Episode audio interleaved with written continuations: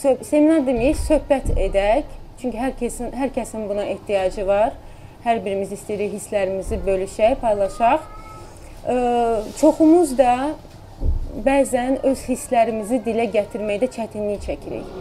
Ə, öz ə, necə deyirlər, düşünürük ki, bununla ə, müəyyən qədər neqativ saçmış olacağıq.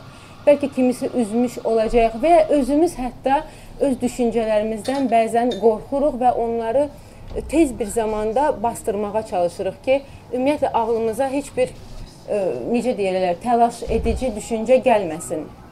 E, mövzu belədir. Nəyə görə biz e, bəzən üzüntülərimizi yaşaya bilmirik və üzüntülərimizi yaşamaqdan qorxuruq və çəkinirik. Belə deyərdim, son zamanlar bəşəriyyətdə baş verən ard-arda bu necə deyirlər, neqativ hadisələr ilk öncə bu pandemiya ilə başladı. İnsanlarda bir təlaş, bir qorxu, yaxınlarını itirmə qorxusu ə, şiddətləndi və daha sonra müharibə və bu yaxın günlərdə də bu təbii fəlakətlə sonlanan, güman edirəm ki, artıq bu son olacaq. Hadisələr ə, insanların necə deyirlər, neqativ fobiyası yaratdı. Artıq insanların dözümü yoxdur pis bir xəbərə. Amma bunu bastırmaq Mən sizə deyim, bunu yaşamaqdan daha təhlükəlidir. Nəyə görə? Çünki biz hiss etdiyimiz üzüntünü, acını içimizə gömdüyümüz zaman, bunu bastırdığımız zaman, bunu ə, yaşamadığımız zaman bu bizə ə, həm karma olaraq geri dönür. Biz bunları dəfələrlə yaşamaq məcburiyyətində qalırıq. Həm həm də müxtəlif xəstəliklərlə də bizə geri dönə bilir. Lakin biz neqativi yaşayaq deyəndə bu demək deyil ki, biz neqativ saçmalıyıq. Yəni məsəl üçün bu son günlərdə sosial medialarda biz çox görürük də belə ürək ağrıdıcı görüntülər, ürək ağrıdıcı videolar hansına ki insan baxır və günlərlə təsirindən çıxa bilmir. Biz yəni mən heç cür demirəm ki, gəlin neqativ saçaq, neqativ ya, xeyr. Biz nə edə bilərik? Yəni ilk sual budur. Bir necə deyirlər, mənfi bir hadisə ilə üzləşdiyimiz zaman biz nə etməliyik? İlk növbədə biz özümüzə biraz zaman verməliyik. Biz ə, həm özümüzə, həm ətrafımızda tutaq ki, biz anidən o neqativi, hə özümü ələ almalıyam, tez nəsə etməliyəm, ə, tez müsbət nəsə bir şey paylaşmalıyam, o toksik pozitivlik etməliyəm anlamına gəlmir. Biz empati etməliyik, o insanlar üçün dua etməliyik. Baxın, dua etməliyik deyəndə Hansı insanın duası qəbul olunur? Hansı insanın duası enerji səviyyəsində lazımi yerə çatır? O insanın ki, frekansı yüksəkdir. Hansı insanın frekansı yüksəkdir? O insanın ki, ümidi var. O insan ki, bədbinliyə fokuslanmayıb, e, nikbindir. E, yəni fəlakətin masştabından asılı olmayaraq onun ümidi bitmir, tükənmir. Və mən sizə hal-hazırda xoş bir xəbər də vermək istəyirəm ki, hal-hazırda faciənin 228-ci saatında belə bir ana iki övladı ilə xilas olunub bu dəqiqələrdə. Yəni bu nə deməkdir? Bu o deməkdir ki, bizim ümidimiz itmir. Biz dua edirik. Biz o insanlar üçün demirik ki, artıq 10 gün keçib, oradan heç kəs sağ çıxmaz. Yox, biz dua edirik, biz o inanırıq. Biz inandığımız üçün də inandırıram sizi ki, doğrudan da oradan hələ də sağ insanlar tapılır. Çünki bunun nə tibbi, bunun nə elmi, heç bir izahı yoxdur. Nə alimlər, nə həkimlər izah edə bilmirlər ki, necə olur ki, insan 9 gün sonra, 10 gün sonra susuz, yeməksiz, havasız necə sağ qala bilər? Körpə necə sağ qala bilər? Bu ancaq duanın, enerjinin gücüdür. Ona görə də bütün bu müddət ərzində öz çıxışım olan kütləni bədbinliyə qapılmamağa, dua etməyə, enerji yollamağa çağırmışam. Əlimdən gələn bu idi, bunu edirdim və mən kollektiv duanın, kollektiv enerjinin kainat tərəfindən daha tez həyata keçdiyini bilirəm. Mən buna əminəm. Və ona görə də çağırışlarım həmişə bu yöndə olub. Mənə yaxın olan insanlar bu günlər ərzində mənə yazırdılar ki, bəsdir, sən özünü öldürdün, həlak etdin, sən özünü yordun. Yox, mən yorulmurdum. Mən inamımı bu gün də saxlayıram. Mən dualarım bu dəqiqədə o insanların yanındadır. Mən, mən inanıram ki, biz hələ daha çox möcüzələrə şahid olmalıyıq. Demək ki, nə etməliyik? Baxın, ə, ilk öncə qınamamalıyıq, günahlandırmamalıyıq, sorğulamamalıyıq. Niyə belə oldu? Kimdir bunun günahkarı? Üsyan etməməliyik. Niyə görə orada məsəl üçün körpələr öldü, gənclər öldü? Biz bilmirik. Hər bir son bir başlanğıcdır. Bizim bitdi dediyimiz anda nəsə başlayır. O insanlar yeni həyata qədəm atacaqlar. Onlar yeni insanlarla tanış olacaqlar. Bəlkə də bu fəlakət nəticəsində kimsə kimisə görəcək başqa bir şəhərdə, onunla bir gələcək olacaq. Yəni bu o qədər bir-birinə bağlı, yəni bir e, hörümçək toru kimi bağlı və qəliz bir prosesdir ki, bunu biz insanlar sorğulayıb günahlandıra bilmərik. Bu faciə qalsın bir yana. Elə insanlar var ki, öz məişət həyatlarında, günlük həyatlarında da baş verən neqativ hadisələri həzm edə bilmirlər, qəbullana bilmirlər, onu tam olaraq yaşaya bilmirlər və anidən bastırmaq istəyirlər. Dediyim kimi bunu etmək düzgün deyil. Özümüzə möhlət verməliyik, özümüzə vaxt verməliyik ki, o enerji bizdən çıxsın. Hər insanda da bu proses yəni fərqli keçir. Elə insan var ki, bunu tutaq ki, bir günə atladır. İnsan var ki, bir ay boyunca onu hələ də təsirindən çıxa bilmir. Bu artıq həmin insanın nə dərəcə həssas olduğundan, yəni e, nə qədər nə dərəcə emosional vəziyyəti sağlam olmağından asılıdır. Elə insanlar ki, illər illər keçir, amma hansısa bir hadisənin təsiri altına çıxa bilmir. Onda artıq məcbur olub professional dəstək istəyir, professional dəstək alır və beləcə normal həyatına geri dönür. Yəni e, dostlar, mən yəni qısaca demək istəyirəm ki, hər bir e, neqativ halda da ümid hər zaman var. Çıxış yolu hər zaman var. Dua hər zaman eşidilir. Enerji hər zaman işləyir. Biz e, insan olaraq öz potensialımızın və öz gücümüzün bəlkə də nə bilim, %10%-ni istifadə edə bilirik. Mən bunu əminliklə deyirəm. E, çünki bu günlərdə ə, e, həmin o xilas olan insanların gücünü biz görəndə biz başa düşürük ki, əslində insan potensialı bizim bildiyimizdən daha ötədədir bizim bildiyimizdən daha artıqdır və bu potensialın önünü kəsən yeganə şey bədbinlikdir, ruh düşkünlüyüdür. Buna biz izin verməməliyik. Məsəl üçün sosial hesablarda tez-tez rastımıza çıxır. Qiyamətdir, artıq dünya dağılır. Xeyr, dünya heç yerə dağılmır. Dünya elə həmin dünyadır.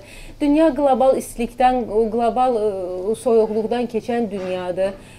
Dünya həmişə olub, həmişə də olacaq. Sadəcə biz insanlar artıq bildiyiniz kimi, bunu da deyim, əgər kimsə bilmirsə, 2000-ci ildən sonra insanlar ə, boyut dəyişdirib. Məsəl üçün əvvəl əgər bir insan məqsədinə nail olmaq istəyirdisə, buna görə əmək sərf etməli idi, çaba göstərməli idi. İndi isə biz düşüncələrimiz sayəsində belə istədiyimiz şeyləri həyatımıza dəvət edə bilirik. Görün nə gözəl bir çağa gəlib çıxmışıq. Məsələn, indiki çağı bəyənmirlər ki, bu nə dövrdür biz yaşayırıq. Çox yaxşı dövrdə yaşayırıq. Baş verən o katastrofik hadisələr də elə yaxın keçmişdə çəkilən filmlərin eyniləridir. Bunlar təsadüf deyil. Çünki biz bunları yaşayanda, biz bunları görəndə, biz hansı bir neqativ filmə baxanda biz o hissləri keçirdirik. Biz o hissləri e, yaşamış kimi oluruq və bəzən günlərlə onun təsirindən çıxa bilmirik. Bu nə deməkdir? Biz kainata o enerjini yollayırıq. Kainat da elə bilir ki, biz bunu istəyirik və bunu bizə göstərir. Ona görə də biz nə etməliyik? Mən düşünürəm ki, ümumiyyətlə bu mövzu doğrudan da ciddi bir şəkildə çalışılmalıdır ki, insanlara pozitiv şeylər göstərilsin.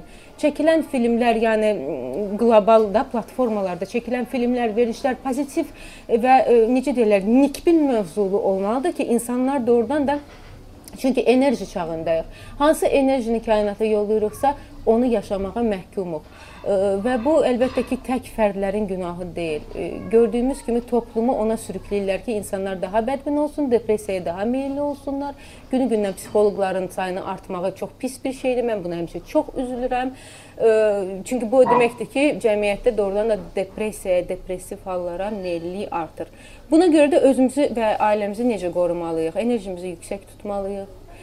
Gələcəyə inamımızı həmişə qorumalıyıq. Heç nəyə baxmayaraq uşaqlarımızı ruh yüksəkliyi ilə böyütməliyik. Onlara həmişə çalışmalıyıq ki, pozitiv ə, hisslər yükləyək. Hiss yükləyəndə ə, nəyi nəzərdə tuturam? Baxın biz sizlə hal-hazırda danışırıq da. Mən müəyyən şeylər deyirəm, siz bunu eşidirsiniz. Mənim dediyim hər kəlmə sizin bilinçaltınıza işləyir. Mən bu dəqiqə burada pis bir şey haqqında danışsam, sizi bədbin notlara kökləsəm, sizin bilinçaltınıza o hisslər yüklənəcək. Mən sizə hal-hazırda e, gümrah, pozitiv şeylər haqqında, yəni hər bir neqativin içində də bir xeyri, bir pozitivi görməyə çağırış edirəm və bu da sizin bilinçaltınıza işləyir və siz artıq o enerjiyə köklənirsiniz. Sizin əhvalınız dəyişir. Məsələn, əgər bura gələndə kimsə kefsiz idisə, kimsə ümidsiz idisə, Buradan çıxanda onun artıq keyfi müəyyən qədər düzələcək, müəyyən qədər ə, inamı artacaq. Bəlkə bir dua edəcək, bəlkə bir enerji yollayacaq kainata. Bəlkə bunun sayəsində kimsə kömək, kiməsə kömək olacaq, kimsə xilas edəcək. Biz insanlar ə, məsafələrdən asılı olmayaraq bir-birimizə o qədər bağlıyıq ki, bunu biz bilsək, inanın ki, bir an belə olsun beynimizdən pis bir fikir keçirtməliyik. Bunu özümüzə qıymarıq. Bunu insanlığa qıymarıq. Mən hər zaman deyirəm ki, 5 il öncə Theta Healing sahəsində tanış olan zaman mən başa düşdüm ki, hə, gələcəkdə insanlığı doğrudan da bu xilas edəcək. Çünki bundan öncə biz enerjinin nə olduğunu, düşüncə gücünün nə olduğunu biz bilmirdik. Bizim bütün atalar sözlərimiz, bütün kəlmələrimiz hamısı adətə bir neqativə çağırış kimidir. Yəni indi hal-hazırda sadalamaq istəmirəm, onları səsləndirmək istəmirəm. Amma hamısı adətə bir neqativə çağırış kimidir. Və e, TT Healing texnikası ilə tanış olandan sonra mən anladım ki, nə qədər biz öz ağzımızdan çıxan kəlmələrə diqqət etməliyik. Baxın, ə, e, bəlkə də hamınız eşitmisiniz, hal-hazırda hələ də xilas olmayan bir məşhur ə, e, Türkiyə içərisində məşhur bir gənc bloger var, cavan oğlan, ə, e, food blogerdir. Çox çətinliklə uğur qazanıb öz sahəsində. İnşallah ki, sağ-salamat tapılar. Amma onun keçmişdə verdiyi reportajlara mən qulaq asanda mən dedim ki, Allahım bu oğlan sağ tapılsın, kimsə bunun ağzının üstündən bir dənə şapalaq qoysun ki, o bir də bu kəlmələri işlətməsin. Bəlkə də o uşaq onları deyəndə başqa məqsədlər güdürdü. İstirdi özünü acındırsın, özünə müəyyən bir simpatiya, bir kütlə yaratsın. Amma düşünmürdü ki, nə qədər o bu hadisəni öz həyatına çəkir, dartır. Yəni onun ə, məsəl üçün misalı üzərində biz nəyi öyrənirik? Heç vaxt, heç bir şərtlər altında özümüz üçün, dünya üçün, doğmalarımız üçün pis şey ağzımıza gətirməməliyik. Dostlar, bu çox önəmlidir dünya dağılır. Dünya heç ara dağılmır. Dünya çiçəklənəcək. Dünya bundan daha yaşanılar, daha gözəl bir e, halını alacaq ki, bu bizim Qurani-Kərimdə də var. Yəni hər şey bizim düşüncələrimizlə başlayır, ağzımızdan çıxan kəlmələrlə bitir. Nəyi yaşamaq istəyirsinizsə onu dilinizə gətirin və təsəvvür edin. Gözünüzü yumun, təsəvvür edin. Sanki bu baş verib, bu artıq olub və siz bunun necə gözəl bir hiss olduğunu artıq bilirsiniz. Əgər siz bunu təsəvvür etməsəz, düşünməsəz, bilinc altınız üçün bu hisslər hələ də yad olaraq qalacaq. Bilinc altınıza yad olan heç bir hiss həyatınıza gəlməyəcək. Çünki o sizə gələn yolu tapmayacaq. O sizin harda olduğunuzu bilməyəcək, loru dilində desək. Yəni mövzumuz bu gün budur. Çox nikbin, çox pozitiv. Mən istəyirəm ki, davamını biz diskussiya olaraq ə, e, davam edək. Çünki mən bilirəm ki, bura gələn hər insan saat ürəyi də doludur, düşüncəsi də doludur. O istəyir nəsə soruşsun, nəsə öyrənsin, nəsə beynindəki hansısa bir suala bəlkə cavab tapsın. Ona görə istəyirəm ki, keçid edək suallara. Salam, Lehti və Gülnara. Çox şadam hamınızı burada görməyə. İlk öncə sizə. Çox sağ olun. Siz bayaq Dede Hilim nəsə belə bir söz dediniz. Onun açıqlaması nə idi? Siz dediniz mən onu kəşf edəndən sonra. Teta Hilim. Aha. Ha. Okey, Teta Healing nədir? Mən özüm Teta Healer olaraq bu gün burada sizin qarşınızda çıxış edirəm. Teta Healing bir bilinc-altı meditasiya növüdür. 1995-ci ildə Amerikalı bir xanım Vayana Stable tərəfindən yaradılan bir texnikadır. Vayanaya sümük xərçəngi diaqnozu qoyulur. Gənc yaşında bir ayağını itirəcəksən deyilir. O öz üzərində bir eksperiment aparır, düşüncə gücü ilə ayağını sağalda bilir. Və sonra qərara gəlir ki, nəyə görə mən bu tex, əgər mən bunu bacarmışamsa və mən adi bir insanamsa, nəyə görə bunu başqaları bacarmasın? Və bunun bir adətə bir dərsliyini, bir metodikasını yazaraq dünyaya yayır. Hal-hazırda TTL-in dünyanın hər yerində Azərbaycanda 5 ildir ki, var və Azərbaycana bunu ilk bizim e, komanda gətirib. E, bu metodika sayəsində, bu texnika sayəsində insanlar öz düşüncə güclərini dəyişməklə həyatlarındakı problemləri həll etmiş olurlar. Biz də treyning sayəsində bilirik ki, yaşadığımız hər bir neqativ, hər bir xoşa gəlməz hadisə əslində bizim bilinc altımıza köklənən Hətta bəlkə ana bətnində olduğumuz zaman belə artıq köklənən neqativlərdən e, dolayı baş verir. Bunun üçün də biz bilinçaltı e, Birinci adı yəni şuur altı. Şuuraltı, bilinçaltı bəli eyni mənaya gəlir. Bunun müəyyən bir texnikası var hansına ki biz tutaq ki biz sizinlə hal-hazırda bilinçli şəkildə söhbət edirik. Mənim eşitdiklərimi siz bilinçli şəkildə algılayırsınız. Amma mən sizin bilinçaltınızda nə hiss etdiyinizi bilmək üçün o texnikaya müraciət etməliyəm ki, mən sizdən doğru cavabları ala bilim. Tutaq ki Gülnara idi da adınız düzdür. Tutaq ki mən sizə deyə bilərəm ki, Gülnara xanım, e, məsəl üçün nə bilim ana olmaqdan qorxursunuzmu? Belə bir sual verə bilərəm. Siz mənə deyə bilərsiniz ki, xeyr, qorxmuram. Amma sizin bilinçaltınız əksini mənə deyə bilər və önəmli olan bilinçaltında olandır. Ona görə də tutaq ki, bir insanın probleminə bilinçaltı səviyyəsindən yanaşanda biz daha möhtəşəm nəticələr əldə edirik. Çünki bilinci şəkildə biz nə qədər də bilincimizi aldatsaq, bilinçaltı yenə də öz dediyini diktə edir. Ona görə də bu texnika bu yöndən çox önəmlidir. Hal-hazırda bizim bölgələrdə də çox sayda teta healerlərimiz var. Mən buna çox sevinirəm və insanlarımız da bu texnika sayəsində doğrudan da öz necə deyirlər, daxili sakitliklərinə qovuşa bilirlər çox şükür. Mən frekanslardan sual vermək istəyirdim. Müəyyən frekanslar var da, insanlar manifest eləmək üçün onlardan Bəli. istifadə edirlər. Məsələn, ə, hər bir şəxsə uyğunmu frekanslar olur, yoxsa sadəcə müəyyən bir yəni konkret, məsələn, general bir ə, frekans var ki, insan onu istifadə eləsə, ə, manifest eləsə, o yöndən öz arzularını dilə gətirsə, o zaman o dünyaya belə deyək də reallıq olur. Baxın, bu bilirsinizmi nəyə bənzər? Tutaq ki, mənim boyum 1.65-dir də məsəl üçün. Əgər mən özümü 1.40-larda kimi hiss edirəmsə, 1.65 kimi görünə bilmərəm.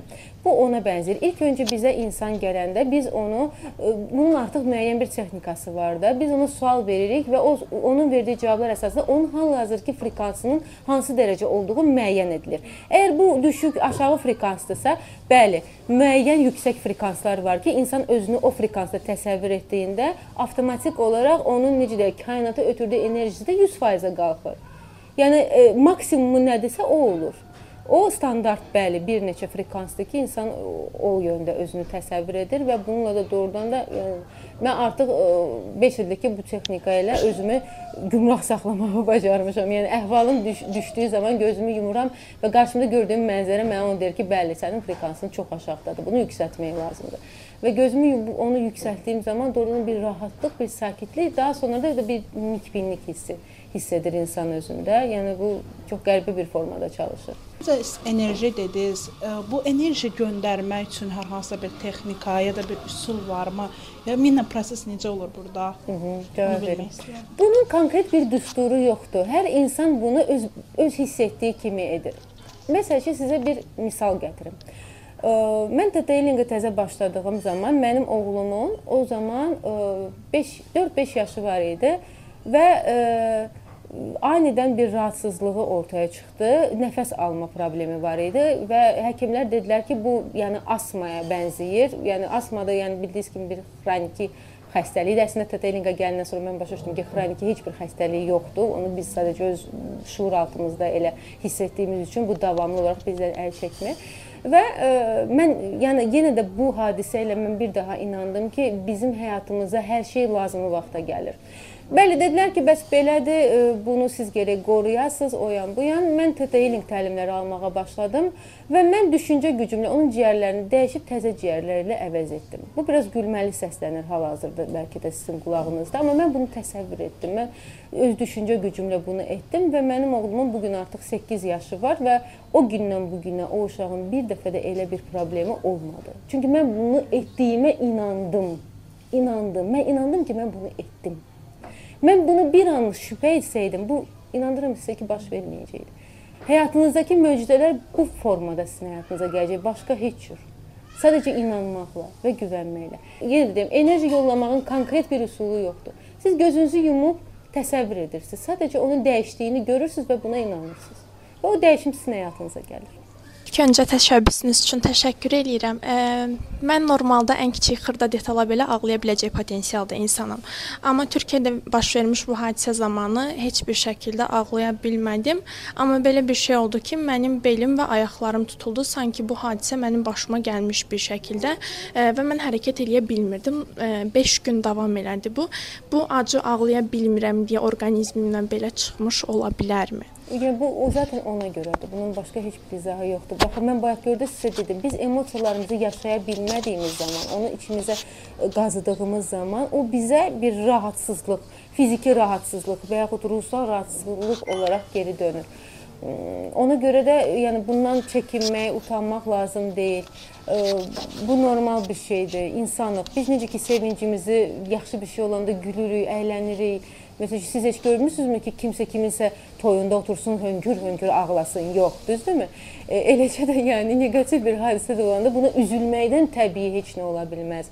E, amma yenə də bunun fonunda bir şeyin də üzərindən keçmək istəyirəm ki, e, bu artıq bizim bu sosial e, media sahəsinə, influencerlar sahəsinə daha çox aiddir.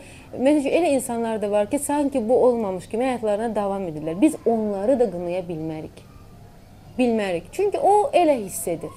Bəlkə o üzüntüsünü bu formada rahatlaşdırır. Bəlkə o görməzdən gəlməklə rahatlaşdırır ki, biz deyirik ki, heç bir halda nə edirsənsə et, tək ki görməzdən gəlmə. Ümumiyyətlə həyatda baş, baş verən heç bir haqsızlığa, heç bir necə deyim, e, neqativə görməzdən gəlmək düzgün deyil, amma yenə də əgər bu onu bir nəvzə də olsun rahatlaşdırırsa, okey, buna da hörmət etmək lazımdır. Çünki niyə görə? Biz qınamaq frekansına keçdiyimizdə biz artıq öz enerjimizi salırıq. Ona görə heç vaxt heç kəsi qınamayın. Hörmət edin, sayğı duyun. Bu qədər. O insanın e, insani xüsusiyyətləri inandırıram sizə ki, ondan asılı deyil. Bəlkə də bu gün sakit öz köşəsində çəkilmiş bir hansısa məşhur şəxs hal-hazırda ortada olandan daha çox əzab çəkir. Biz bunu bilə bilmərik. Bu artıq o insanın özünə qalmış bir şeydir.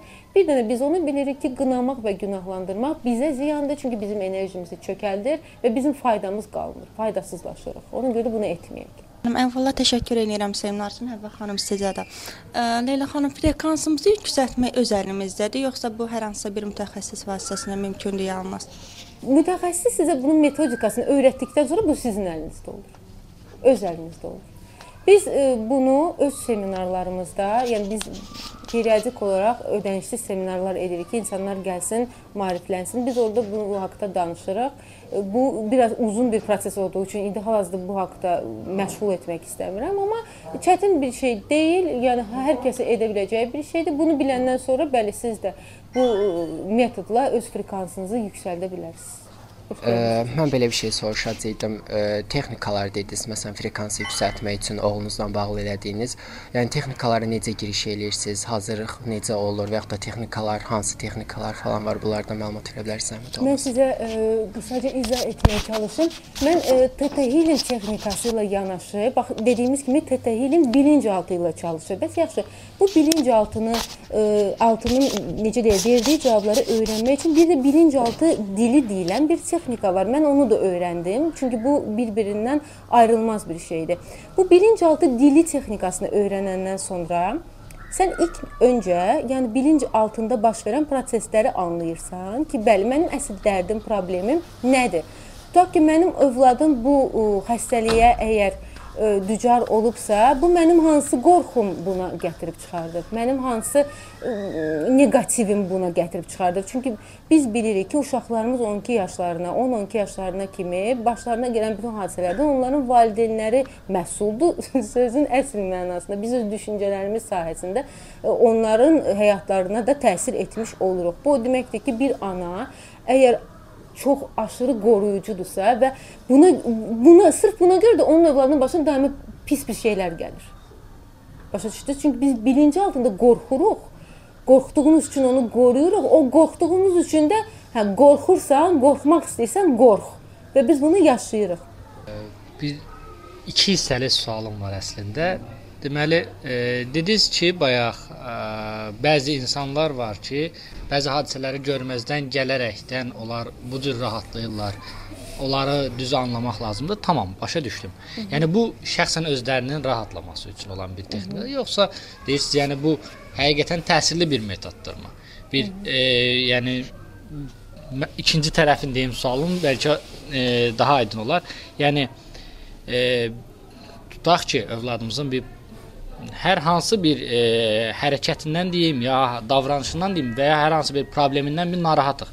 Yəni onu görməzdən gələrəkmi rahatlamağı siz e, tövsiyə edirsiniz, yoxsa ona onun haqqında düşünmək, yəni bunlar bir-birinin əksi olan hərəkətlərdir əslində.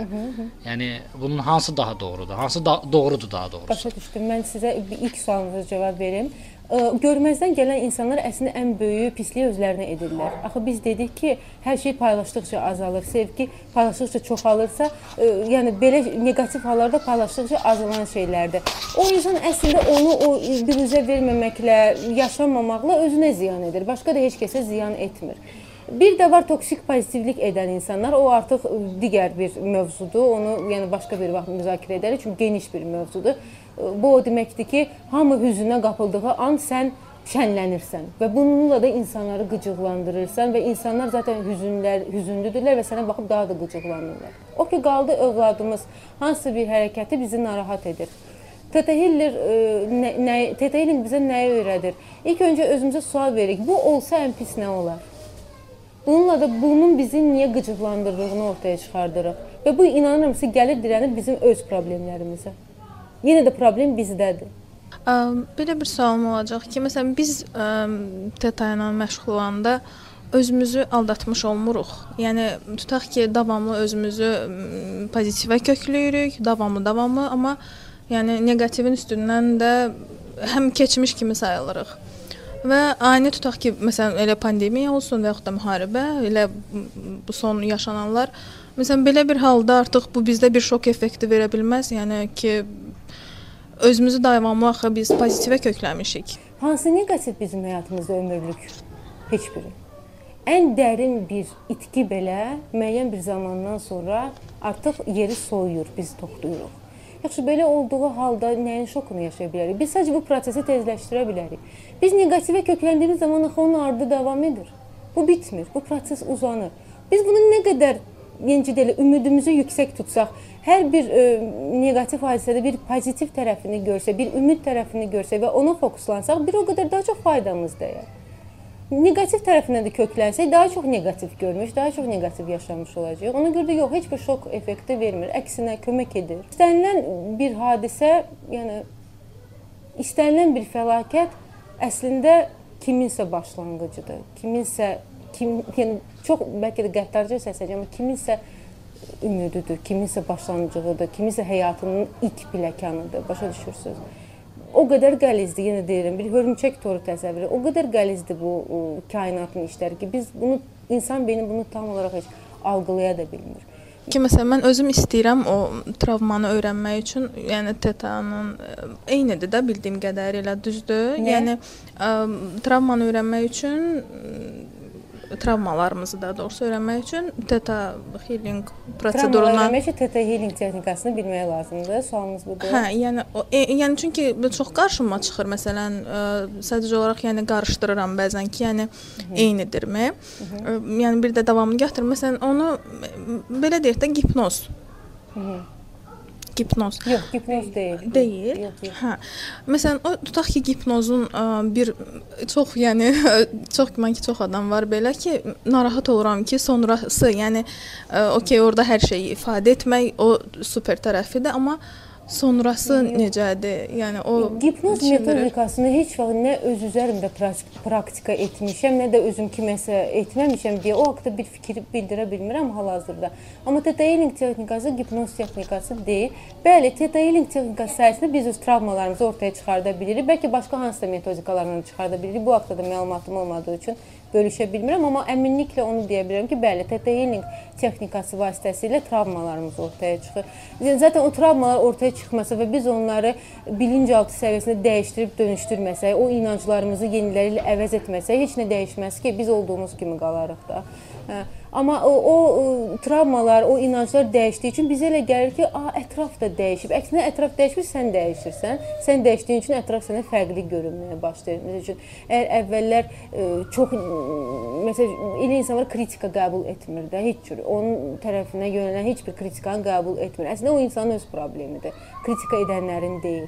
Yəni ə, Teta Healing-la tanış olandan sonra sən o travmaların üzərində çalışdıqdan sonra artıq sən görürsən ki, sən ə, necə qı- ə, kritikanı normal qəbul edirsən. Bu artıq səni əvvəlki kimi qıcıqlandırmır. Yəni dəyişən bu olur, hisslərimiz olur. Bəs konkret olaraq ə, belə də kiçik psixoloji rahatsızlıqlarda teta healing kömək olur. Məsələn, depressiya, panik atak. Hal-hazırda günümüzdə çox yayılıb bunlar da. Yəni hər zaman bir 10 nəfərdən 8-ində bəlkə də var. Yəni teta healing vasitəsilə bunun əsas səbəbləri ortaya çıxır ki, məhz həyatının bu anından bəri bu travma yaşanıb və bundan sonra sənin həyatın məsələn dəyişib. Sən depressiyada olmusan və ya panik atak yaranıb. Bəli, hər bir fobiyanın, hər bir panik atakın, ə, hər bir qorxunun, məsələn, insan var pişikdən qorxur, insan var klaustrofobiyadan əziyyət çəkir. Bunların heç biri təsadüfi deyil. Öz-özündən yaranmır. Bunların hamısının çox dərin səbəbləri var, dərində yatan səbəbləri var daha doğrusu. Əlbəttə ki, TTL zaten bunu edir də və sadaladığınız şeylər əslində kiçik deyil. O qədər önəmli şeylərdir ki, yəni panik ataklardır, bu depressiya əgər xroniki hal alırsa bu yəni çox təhlükəli bir şeydir. Və yaxud depressivliyə meyllilik. Elə insan var ki, vaxt aşırı məsələn ruh düşkünlüyündən əziyyət çəkir də və yaxud hər xırda hadisə onu necə deyirlər rutin həyatından çıxarda bilir. Bunların hamısının bilinc altında yatan bir səbəbi var. Birinci bir, bir şəkildə biz bunu heç cür tapa bilmərik, bilə də bilmərik nə ilə bağlı olduğunu. Siz bilə bilərsiniz nəyə görə zaman-zaman özünüzü məsəl üçün pis hiss edirsiniz, ağlayırsınız zaman-zaman səbəbsiz və yaxud zaman-zaman öz doğmalarınız üçün çox ciddi bir narahatçılıq, bir necə deyim, bir qorxu keçirirsiniz. Bunun bir izahı olur, olmur axı. Bir hissi də gəlir insana.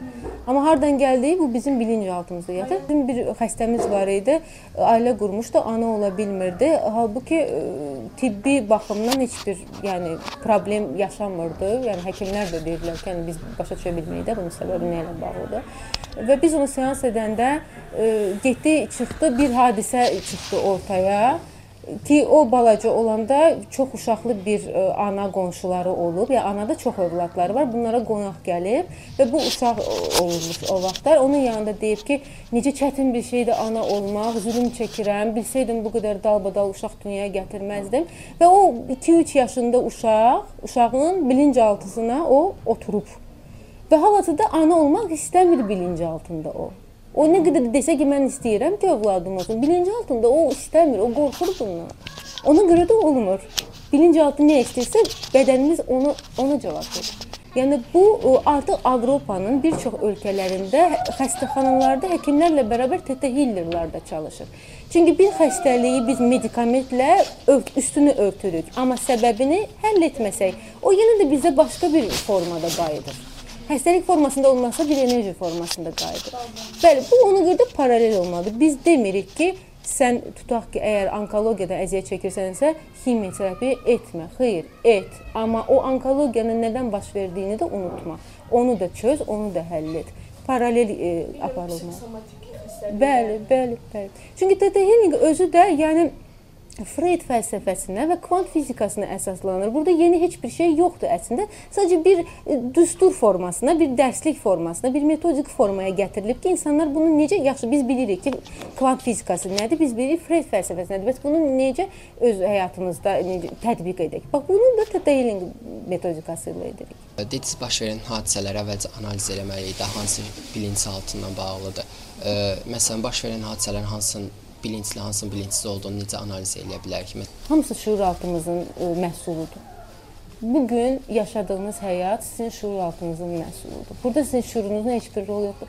Şuur sadəcə sizi idarə edir, ta ki şuurlu bir şəkildə siz bilirsiniz. Gəl, çölə çıxanda əynimi geyməliyəm. Məsəl üçün, ə, maşın yol keçəndə ətrafıma diqqətlə baxmalıyam. Şuur bunu idarə edir. Amma həyatınıza gələn insanlar, gələn hadisələr şuur altınızın məhsuludur. Şuur altınızda nədən qorxursunuzsa, o cür insanlarla qarşılaşırsınız. Başa düşürsüz? Yəni heç kəs təsadüfi gəlmir bizim həyatımıza. Kimsə hamı öz qorxularımızın necə deyirlər, bəhrəsidir. Tutaq ki, deyirəm bir e, məsələ həll eləyirəm. O məsələnin aha, burada başlayıram o niyələri sualını verməyə. Çox vaxt cavabını tapıram, amma mənim üçün ən böyük e, belə deyim, problemmi deyim, nə deyim, bu çox yorucudur. E, məsələn belə bir şey deyim. Velosiped sürmək mənim üçün çətin idi uşaq vaxtı. Amma onu hardasa bu mən bu ayaq üstə qalmaq üçün ağırlığımı hansı tərəfə vurmalıyamı belə velosiped tərəfdən hiss eləyəcək qədər Hı -hı. düşünürdüm bunun haqqında. Hı -hı. E, ki həlli də oradan tapırdım. Amma bunu düşünmək, hələ-hələ bunu bir kimsəyə danışmaq çox çətindir. Hı -hı. Məsələn, belə deyim, məndən bir balacasına velosipedi sürmək üçün bu ayağımı burdan belə basmalısan sözünü izah eləyəndə həm onun üçün yorucu olur, həm özüm üçün yorucu olur, özümü qıraqdan eşitmək. Yəni onu düşünmək nə dərəcədə, yəni sizə məsləhətli bir şeydir. Deməli baxın, sizə belə deyim, mən özüm TT Hiller olmağıma baxmayaraq özüm özümə seans edə bilmirəm. Yəni bunu kimsə sizə kənardan etməlidir. Ya siz özünüz nə qədər özünüzə sual versəz, özünüz şuurlu cavab verəcəksiniz. Yəni istəyirsiniz biz bunu ə, yoxlaya bilərik. Əgər ə, insanların insanların iştirakı sizi narahat etməyəcəksə, biz bu dəqiqə sizin velosiped qorxunuzun nədən irəli gəldiyini ortaya çıxarda bilərik. Bu çox asandır. Hal-hazırda yoxdur elə bir qorxu, amma vaxtı üçün olubdu yəni bu. Məsələn, üçün hal-hazırda bəlkə başqa bir qorxunuz var və ya bəlkə kimsə istəyir ki, onun hansı bir qorxusu üzərində biz çalışaq. Elə mən özüm istəyirəm. Qoy elə o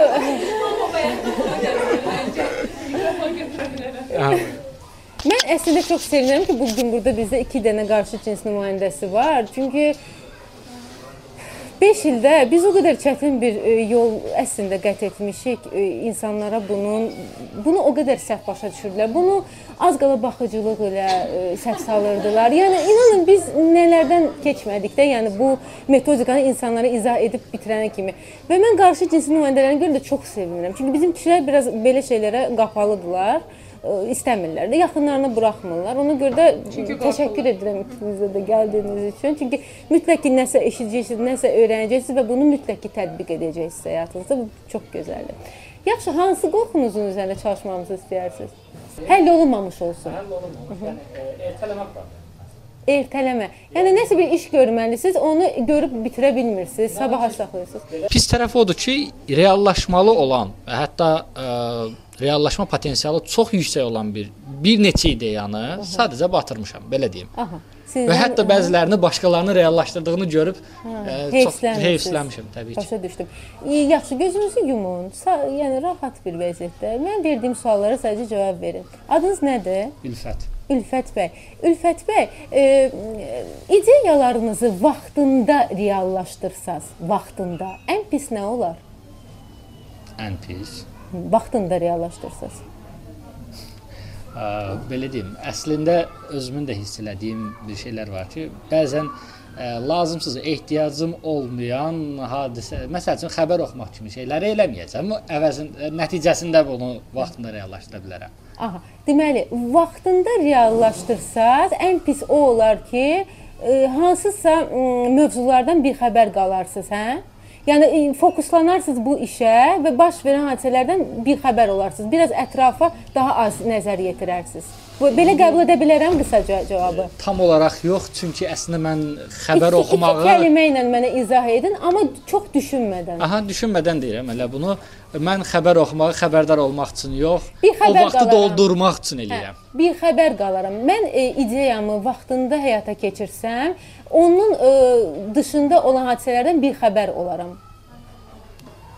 Əslində çox da yerdə yerinə yetirmək istəyirəm axı mən. Yox, ya, onu bunu bax belə bu formada qəbul edə bilirəm mən cavab olaraq bu mərhələdə. Çünki Qəbul eləyək, amma tam olaraq bu deyil. Yəni mən əslində heç vaxt düşünmürəm ki, bunu yerinə yetirsəm mənim hansısa bir işim geridə qalar deyə. Yaxşı, mən sualı təkrar verirəm. Aha. E, düşündüyünüz hər hansı bir işi vaxtında həyata keçirsəz, ən pis nə olar? Ən pis nə olar? İki iki iki cümlə e, kəlmə ilə. Düşündüyüm hansısa mərhələsi e, düşündüyüm kimi olmaz, onu görmək istəmirəm. Bir dəqiqə, uğursuzluğa, e, uğursuzluqla qarşılaşaram, düzdür? Aha. Okay. Uğursuzluqla qarşılaşsaz, tutaq ki, bir ideyada siz onu həyata keçirmək üçün çaba göstərdiniz və uğursuz oldu. Ən pis nə olacaq? O olmayacaq. Sadəcə o olmayacaq. Olmayacaq. Olmasa ən pis nə olacaq? Aa, onda ən pis olacaq ki, kimsə onu icra eləsə, mən onu sadəcə müşahidə eləyəcəm. Kimsə bunu icra etsə ən pis nə olacaq? Və bu siz olmasanız ən pis nə olacaq? Hmm, Kimsə icra eləsə mən ən pis nə olacaq? Yenə də də, yəni e, belə deyim, müqayisə eləyək, kimsə bir addım yuxarı qalxdı, mən isə yerimdə qaldım. Hə, kimsə sizdən e, bir e, pillə yuxarıya çıxacaq. Aha. Sizdən daha uğurlu olacaq. Yəni orada mən ola bilərdim, orada mən Okey. deyiləm. E, kimsə sizdən daha uğurlu olsa ən pis nə olacaq? Bu prosesə dərin qazma prosesi deyilir. Məsələ kimsədə deyil də. Mən mən yerində sayacağam. Məsələ budur. Siz yerinizdə saysanız ən pis nə olacaq? Dünənlə bu gün arasında fərq olmayacaq. Olmasa ən pis nə olacaq? Yəni mənası olmayacaq yaşamağın. Mən sadəcə yeyib yaşayan bir canlı deyiləm axı, insanam. Okay, sadəcə yeyib e, yaşayan bir canlı olsaz, başqa da heç bir faydanız olmasa ən pis nə olar? Artıq onu təsəvvür edə bilmirəm. E, bu sizin üçün ən pisdir. Yəni mənim üçün ən pis e, bəli, budur ki, e, mən Faydasız Bir- olmaq. faydasız olmaq, yəni e, bu gün gördüyüm potensialımın reallaşmaması. İndi bir dənə diqqət, zəhmət olmasa. İlk öncə biz nədən başladıq? Dedi ki, e, fikirlərimi e, necə dediniz? İlk öncə gözünüzü açın. Dediniz ki, düşüncələrimi həyata keçirtməkdə çətinlik çəkirəm. Bu görün gəldi hansı mövzuya dirəndi faydasız olmaq. İndi mən sizə deyəcəm ilk dəfə özünüzü nə vaxt faydasız hiss etmisiniz? Bunun cavabını isə biraz düşünün və bunu axtarın 0-7 yaşda. Zəhmət olmasa. 0-7 yaş. Mənə deməsəz də olar, amma siz bunu tapacaqsınız. Sizin travmanız oradan gəlir. Baxın, travmalar bu cür ortaya çıxır. Və bu travma necə düzəlir? Biz qayıdırıq o yaşa, o hadisəni təzədən yaşayırıq, o an o hadisəni həll edirik, sağollaşırıq onunla. Və bununla da məsələ bitir. Belə bir şey deyə bilərəm. 0-7 yaş arasına aid ə, o yaş dönəmi elədir ki, o vaxtı uğursuz olduğumuz çox şey ola bilər. Bu ev tapşırığını həll eləməkdən. tələsməyin. Siz gözünüzü yumun. Bir dənə hadisə mütləq ki yadınıza düşəcək. Bax o qədər hadisələrdən biri yadınıza düşəcək, hamısı yox, bir dənəsi. Və bəzən o o qədər gülməli bir hadisə olur ki, ona görə biz deyirik ki, uşaqlarla münasibətdə o qədər diqqətli olmalıyıq ki, biz bilmirik ki, dediyimiz hansı söz onların necə bir travma kimi, yəni yeridilir. Yəni bunu bizimlə heç paylaşmayın. Bu sizin öz əlinizdə. Amma bir hadisə olacaq və bəlkə də siz özünüz də özünüzə güləcəksiniz ki, bu mu indi gəldi mənim ağlıma? Bu qədər şeyin içində bu mu? Yəni bu mu? Hə, bax bu. Bu qədər də sadədir. Bir dənə şey. Niyə görə deyirik 0-7 yaş? Ehtimal yoxdur ki, uşaq 7 il bu dünyada yaşasın və ona neqativ yüklənməsin. Belə bir şanslı insan hələ ki ki yoxdur. Yəni Ülfət bəy də otursa biraz özünə bu məsələn əgər biz deyiriksə ki, sual verəndə tez-tez cavab ver. Bu ona görədir ki, bilinc ora e, işə salmasın, müdaxilə etməsin ki, bilinc altı bizə cavab versin. Bu mərhələdə isə biz deyirik ki, biraz rahatlan və e, xatırla. Xatırla və buyurun. Desə nəsə xatırla. Yəni ə, çox şey xatırlayıram, amma İlki, və ilki, ilki, ə, ilki. Birinci hansı gəldi ağlınıza? yəni belə çox mənasız şeylər var. İş Çox arasındadır ki, mənasız olur. İnandırıram bu tək sizdə və, deyil. və o dövrdə olanları artıq mən mənasız qəbul elədiyim bir neçə il əvvəldir. Mən o dövrdə olan hadisələrin əksəriyyətini mənasız Bu dəqiqə qəbul çox eləmişəm. Baxın, zaten doğrudan da bütün o bilinç altı travmalar çox dəxlisiz mövzularla bağlı olur. Çox indi hal-hazırda bizim üçün çox küçümsədiyimiz mövzularla bağlı olur. İlki ağlınıza gələn hansısa problem odur. Belə bir şey deyim. Aha. Ə, əslində mən biraz əvvəl dedim, niyəyə çox gedən adamam və belə deyim 3 yaş vaxtından bu yerə çox şeyləri xatırlayıram. Yəni 3 yaşımda olan bəzi hadisələr, məsələn, bağçada olan bax ilk dəfə özünüzü nə vaxt lazımsız hiss etdiniz? Bəlkə sizə dedilər ki, nə becərəksizsən ay Ülfət. Ə, elə şeylər olub. O çox şey. O, məsələ də odur. O cür söhbətlər çox şeydə olub. Yox, hamıya deyirlər, amma hamı onu travma olaraq daşımır axı öz üzərində, dostlar. Amma elə insan var ki, bir kəlməsi belə neçə yaşınız var hal-hazırda? Hal-hazırda 31. Yəni 31 yaşı var. e, Hansı bir kəlmə bu gün ona bir addımı atmağa ona bir imkan vermir ki, qorxur ki, o uğursuz olar, uğursuz olduğu üçün də lazımsız olar. Başa düşürsüz? O qədər bəsitdir əslində hər şey. O qədər yəni aşkardır ki, hər şey. Və insanlar görün bu qədər bəsit bir açıqlaması, bu qədər bəsit bir çözümü olan halda nə qədər əziyyət çəkir insanlar və illərlə ölənə kimi əziyyət çəkir, qurtula bilmir. Çünki özümüz biz şuurlu şəkildə özümüzə kömək edə bilmirik. Mən belə özümə şuurlu şəkildə kömək edə bilmirəm. Heç kəs edə bilmir bunu. Məsələ burasında ki, mən artıq onları mənasız qəbul edirəm o hadisələri. Et etsəz bu gün ə, yenə də bu zamanlama problemi yaşamazsınız. Deyirsiz eləmirəm yəni. 100%. Biz e, məsəl üçün növbəti mərhələ nə olacaq? Biz qayıdacağıq o yaşa, o günə, o ana. O günü siz təfərrüatları ilə xatırlayacaqsınız. Xatırlayıram. Hə. O qədər kiçik detalları ilə xatırlayacaqsınız ki, yaşınızın az olmağına baxmayaraq, o hadisəni təzədən canlandıracağıq. O eşitdiyiniz sözləri başqa sözlərlə əvəz edəcəyik. O an keçirdiyiniz hissləri başqa hisslərlə əvəz edəcəyik. O an orada inciyən ülfəti ovucumuza alacağıq. Ona bir təskinlik verəcəyik ki, sən mənim əzizimsən, sən mənim üçün dəyərlisən. Sən əslində çox bacaracaqlısan. Sən əslində e, çox uğurlusan və sən çox lazımlısan və bilinçaltımıza bu hissləri yükləyəcəyik və bu dəftəri qapamış olacağıq. Bilirəm, ə, mən qınamıram sizi. Mən bilirəm ki, bu çox absurd səslənir. Amma bu qədər də yəni bəsitdir əslində. Bu qədər də asandır əslində.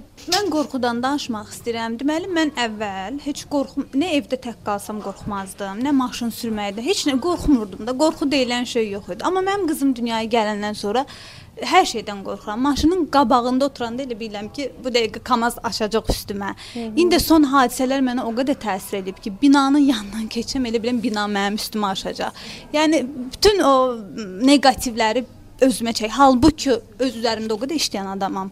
Yəni oxuyuram, mən də bilirəm, yaxşı düşün, yaxşı yaşa ki, yaxşı olsun. Bunların hamısını bilirəm. Amma o bir səhnəni gördümsə, fisio məndə hamısı silinir, o qorxular gəlir tutur məni. Eyni metodikadır. Yenə də biz sual veririk. Bu yaşansa ən pis nə olar? Sən bəlkə də şuurlu şəkildə düşünürsən ki, bu sənin övladınla bağlı bir qorxundur, amma tam başqa bir qorxu da ola bilər. Yəni bu övladına fokuslanmısan deyə o demək deyil ki, onunla bağlıdır. Özünlə də bağlı ola bilər. Yəni 7 arxa nəslinlə də bağlı. Əvvəl məsəl üçün ə, çox adam deyir ölümdən qorxum, ölümdən qorxmurdum da. Dedim öləcəm, öləndən sonra lap yaxşı olacaq. Amma indiki uşaq var, elə bilirəm ki, mən ölsəm, bilirəm o Allaha əmanətdir o heç. Amma o fikir ağlımdan çıxmır ki, birdən mən ölsəm ona nə olacaq? Bu hətta sənin öz qorxularınla da bağlı ola bilər. Sənin öz həyatınla bağlı qorxunla da bağlı ola bilər. Bunu hardan gəldiyini də biz ancaq çalışma etsək bilərik. Amma 100% və 1000% ki, bu hardansa gəlir, bunun bir qaynağı var və biz o qaynağı tapdığımız tapdığımızdan sonra, onu orada həll etdiyimizdən sonra sən rahatlayırsan. Bu qədər sadə. Amma burada oturan insanların ailələri var və siz evə gedib bu enerjini çoxaldacaqsınız da. E, Yəni gücümüz yetdiyi qədərilə kimi öz bloqundan, kimi öz necə deyirlər, məkanından bu yardımı insanlara edir və buna görə çox sağ ol demək istəyirəm. E, Hamısının yəni səbəbi odur ki, çox e, neqativdir, yüklüyük hal-hazırda. Yüklüyük və e, dediyim kimi, bunun da önünü almaq üçün dua etmək, enerjimizi yüksək fokusumuzu həyatını itirənlərə yox da o möcüzələr sayəsində həyatda qalanlara fokuslanmaq. Çünki bu doğrudan da diqqət necə diqqətə layiq bir hadisələrdir. Valla biz yaşayırıq. Yəni bunun fonunda biz yenə də o neqativə köklənməməliyik. Biz o o necə deyirlər, o işığı görməliyik, o möcüzəni görməliyik. Möcüzəyə görə təşəkkür etməliyik və toxtamalıyıq.